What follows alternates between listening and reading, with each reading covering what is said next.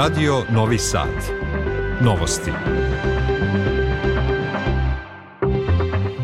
Dobar dan, ja sam Slobodan Vidović. Ja sam Milijana Kočić. Ovo su najvažnije vesti. Vučić u Minhenu o Kosovu i Metohiji razgovarao sa Boreljom i Lajčakom. Očekuje skori poziv u Brisel na nastavak dijaloga.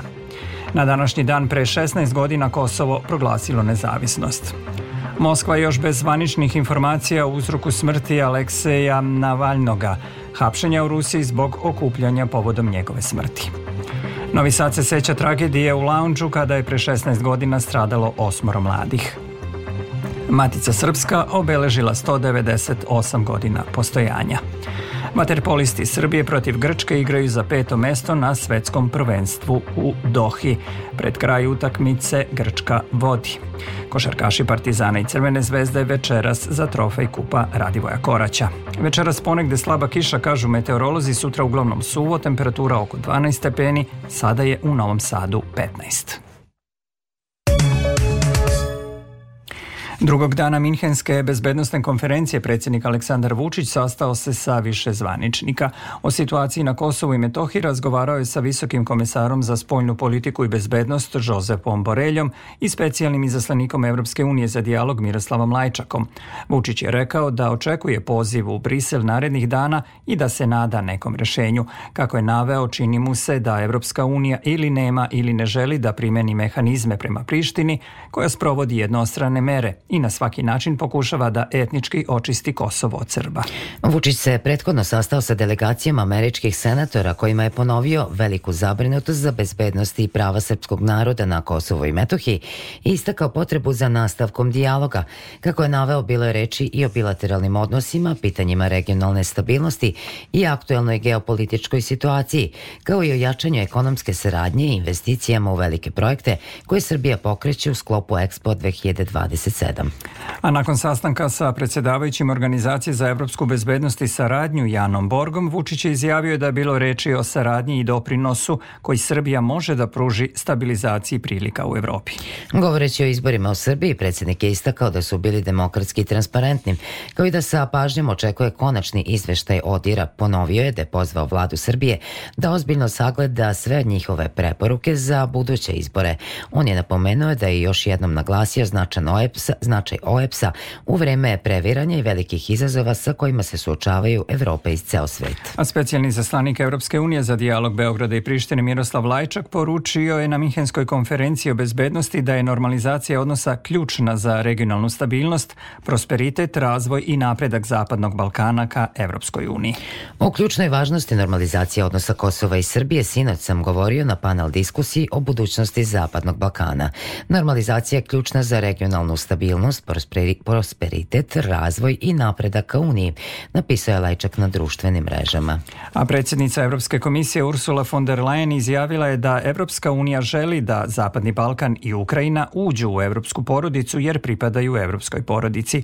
Ona je na panelu na Minhenskoj bezbednostnoj konferenciji rekla da je proces pridruživanja Evropskoj uniji koji trenutno postoji izuzetno važan korak i da više ne može biti sivih zona u Evropi. Morate odlučiti ili ili ste s Putinom ili ste sa demokratijama, ili ste sa autokratama ili poštujete naše vrednosti, istakla je von der Leyen. Ona je takođe poručila da je Evropska unija jaka i odlučna da brani demokratiju i mir. Na današnji dan pre 16 godina Kosovo je proglasilo nezavisnost. Ministar spoljnih poslova Ivica Dačić kaže da je to dan kada je srušen međunarodno pravni poredak. To je pokušaj legalizacije viševekovnog etničkog čišćenja srpskog naroda čija je država stvorena na Kosovu i Metohiji. Toga je svesno i 109 država od ukupno 193 članice Ujedinjenih nacija koje nisu priznale taj jednostrani i nelegalni akt, naveo je Dačić. Vladina kancelarija za Kosovo i Metohiju navodi da je kreirana formiranjem samoproglašenog Kosova na Zapadnom Balkanu stvoren trajan izvor nestabilnosti i poligon za igre moći onih u međunarodnim krugovima kojima je potreban nerazvijen i fragmentisan jugoistok Evrope, a pre svega slaba i nestabilna Srbija. Na današnji dan 2008. u Prištini je rođen politički fantom, jer takozvano Kosovo nikad neće biti ništa više od provizorijuma i nelegalne tvorevine, piše u saopštenju kancelarije. svet. Ukrajinska vojska saopštila je da je zbog eskalacije oružanih borbi u Avdejki izdato naređenje o povlačenju ukrajinskih trupa iz jugoistočnog dela tog grada. Predsednik Volodimir Zelenski rekao je Minhenu da je odluka o povlačenju iz Avdejke doneta kako bi se sačuvali ljudski životi. Kaže da njegova zemlja nema pristup oružju zbog čega jača pozicija predsednika Rusije Vladimira Putina. Moskva je saopštila da je njena protivazdušna odbrana noćas oborila pet bespilotnih letelica u vazdušnom prostoru iznad Brijanske oblasti Rusije. Izraelska vojska uhapsila oko stotinu ljudi u bolnici Naser u Kanjunisu i saopštila da je u njoj otkrila lekove s imenima izraelskih talaca. U izraelskim napadima na gazu od 7. oktobra ubijeno je gotovo 29.000 palestinaca, a više od 68.500 je ranjeno, saopštilo je Ministarstvo zdravlja Gaze. Šef Hamasa Ismail Hanije je za nedostatak napretka u postizanju dogovora o primjerju u pojasu Gaze okrivio Izrael. On je u saopštenju naveo da Hamas neće prihvatiti ništa manje od potpunog prestanka agresije, povlačenje vojske okupacijenih snaga iz Gaze i ukidanje nepravedne opsade. Ruska policija rasterala je grupe građana sa ulica dva najveća ruska grada Moskve i Sankt Peterburga i širom zemlje uhapsila više od 200 građana koji su se okupili kako bi odali počast opozicionom političaru Alekseju Navalnomu, koji je juče preminuo u zatvor u Sibiru. Moskovsko tužilaštvo juče je upozorilo građane da ne učestvuju na protestima na koje ih pozivaju preko interneta i društvenih mreža. Na vest o smrti ruskog opozicionara Alekseja Navalnog reagovali su su zvaničnici iz Brisela i Vašingtona koji od Moskve traže objašnjenje. Generalni sekretar Ujedinjenih nacija Antonio Guterres pozvao je na punu i transparentnu istragu o smrti Navalnog. Ovo su novosti prvog programa radija Radio Televizije Vojvodine. Na listi publikacije britanskog Financial Timesa Evropski gradovi i regioni budućnosti za 2024. godinu koje rangira najbolje investicione lokacije. Našlo se šest gradova iz Srbije, od kojih su dva u Vojvodini. Beograd je na sedmom mestu u svetu po ljudskom kapitalu, Leskovac na prvom kao najprivlačniji mikrograd po efikasnosti troškova, a visoko na listi su i Zrenjanin, Subotica, Kragujevac i Šimanovci, navela je premijerka Ana Brnabić i ocenila to kao pozitivan signal za buduće investitore.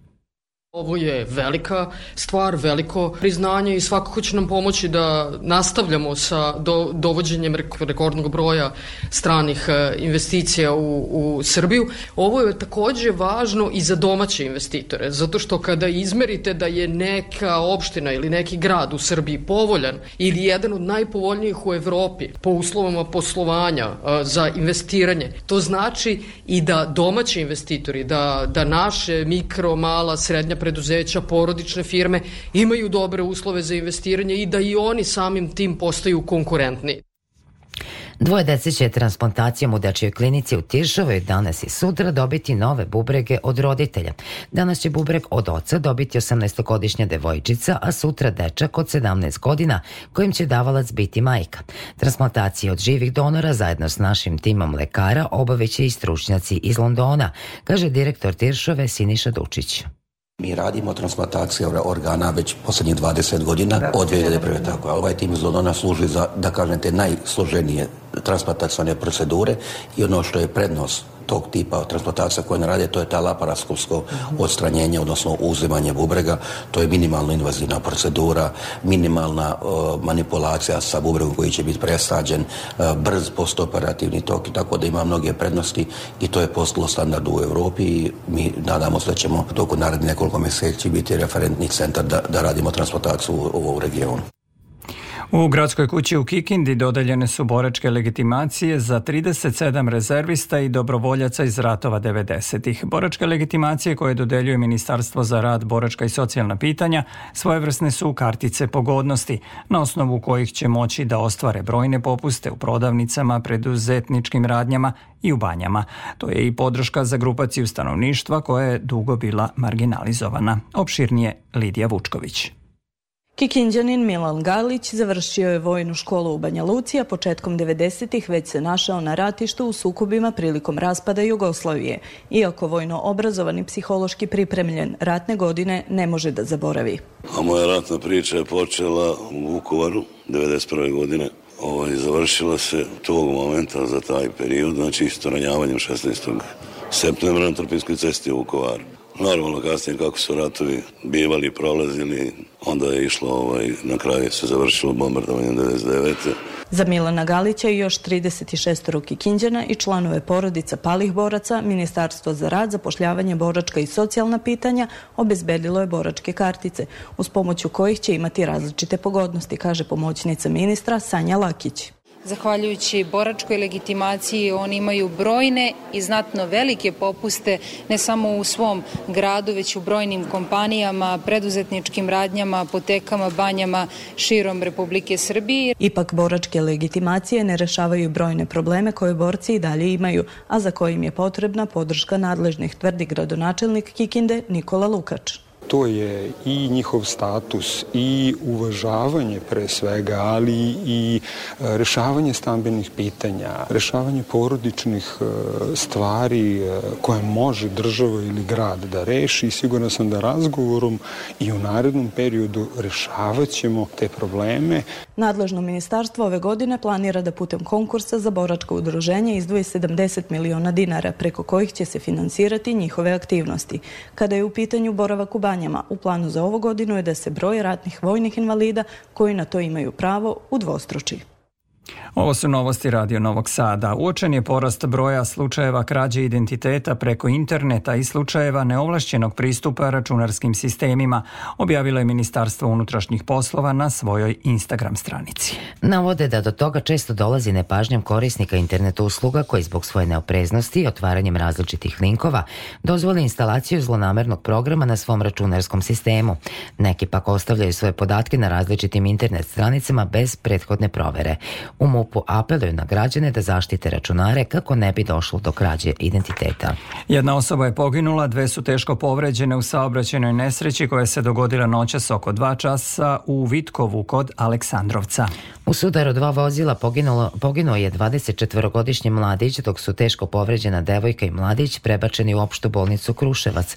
RTS prenosi da je povređeni mladić operisan, dok je devojka zbrinuta na ortopedskom odeljenju. Lekari kažu da su za sada vitalni vitalni parametri kod oba pacijenta stabilni, ali zahtevaju praćenje i dodatnu diagnostiku. Uviđaj su obavili pripadnici saobraćajne policije iz Aleksandrovca i tužilac osnovnog javnog tužilaštva u Brusu. A u Beogradu su se jutros dogodila dva odvojena ubistva u Zemunu i na Voždovcu. Policija traga za počiniocima. U Zemunu je oko 10 časova u Kumanovskoj ulici prijavljeno da muškarac leži na trotoaru sa prostrelnim ranama, a hitna pomoć je potom mogla samo da konstatuje smrt. Policija pokrenula pokrenula akciju Vihor 3 i u toku je potraga za počinioce. Ranije jutros oko 4 časa, muškarac star 27 godina, ubijen je ubodom nožem u srce na uglu Ustaničke ulice i Milenka Grčića.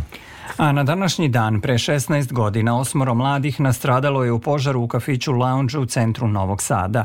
Porodice i prijatelji nastradalih u tom požaru i zamenik gradonačelnika Novog Sada, Igor Crnobarac, položili su cveće ispred spomen ploče u Zmajovinoj ulici, gde je 17. februara 2008. godine u požaru tragično nastradalo osmoro mladih.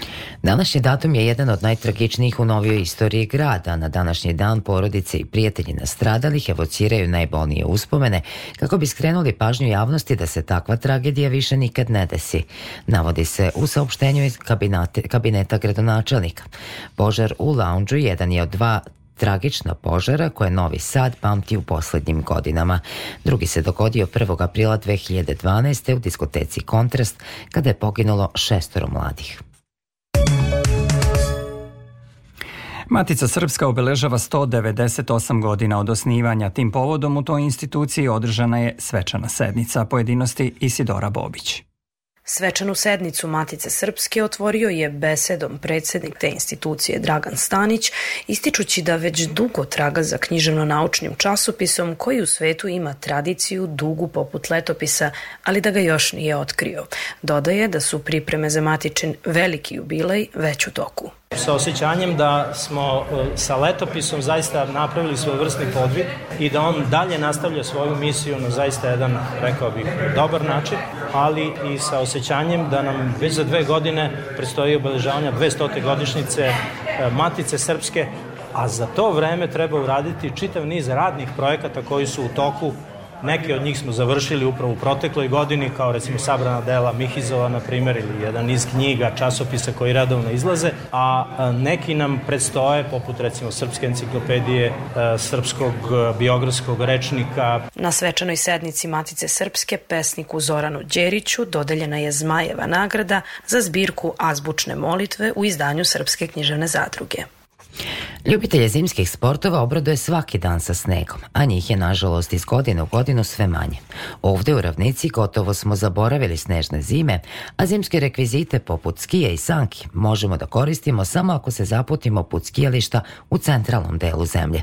Međutim, zbog klimatskih promjena većini domaćih zimskih centara ne piše se dobro. Beleži Aleksandar Grujić.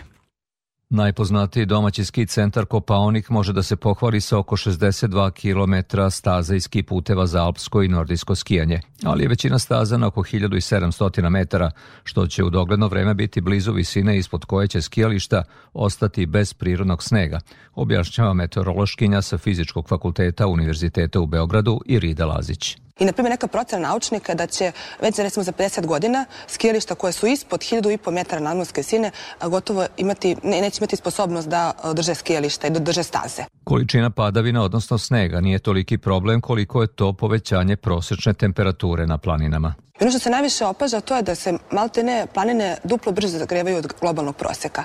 Naprimer, od 1950. godine, ako posmatramo Srbiju, recimo, apsolutna minimalna temperatura se na Koponiku jedan stepen po deceniji povećava, što je zapravo i problem veliki, jer, na primer, očekujemo makar da minimalna dnevna temperatura bude na tim skijalištima negativna. I u tom slučaju, makar i ako se u toku dana otopi sneg. taj otopljeni snijeg će se opet zamrznuti u toku noći, a ako su minimalne temperature visoke, to je ogroman teret sa skijališta.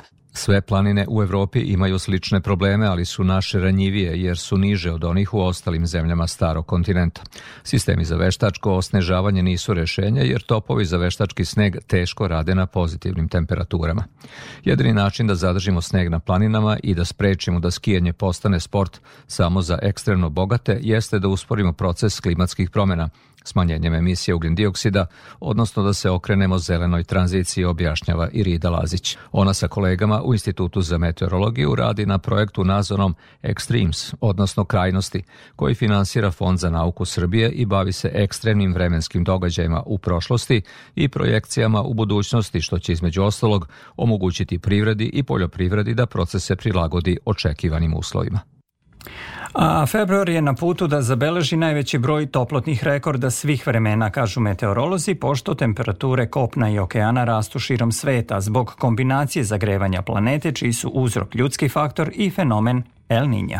Naučnici primećuju da su poslednjih nekoliko sedmica zabeležene temperature koje su za 2 stepena Celzijusa više u odnosu na predindustrijski period. Dodaju da su u prvoj polovini ovog meseca mesečni toplotni rekordi oboreni u 140 zemalja. U novostima Vesti iz sporta, vaterpolisti Srbije poraženi su od Grčke rezultatom 15-11 i tako su osvojili šesto mesto na svetskom prvenstvu u Dohi. U finalu svetskog šampionata od 15.30 snage će odmeriti vaterpolisti Hrvatske i Italije. Španija je osvojila bronzu pobedom nad Francuskom rezultatom 14-10. Naredno svetsko prvenstvo biće održano sledeće godine u Singapuru. Futbaleri Crvene zvezde igraju meč 21. kola Superlige Srbije kao gost gosti Novom pazaru. Od 16.15 Partizan će ugostiti ekipu IMT-a, dok je duel Čukaričkog i Železničara zakazan za 18 časova i 30 minuta. Košarkaši Crvene zvezde i Partizana od 21 čas u Niškom Čajru igraju finale Kupa Radivoja Koraća.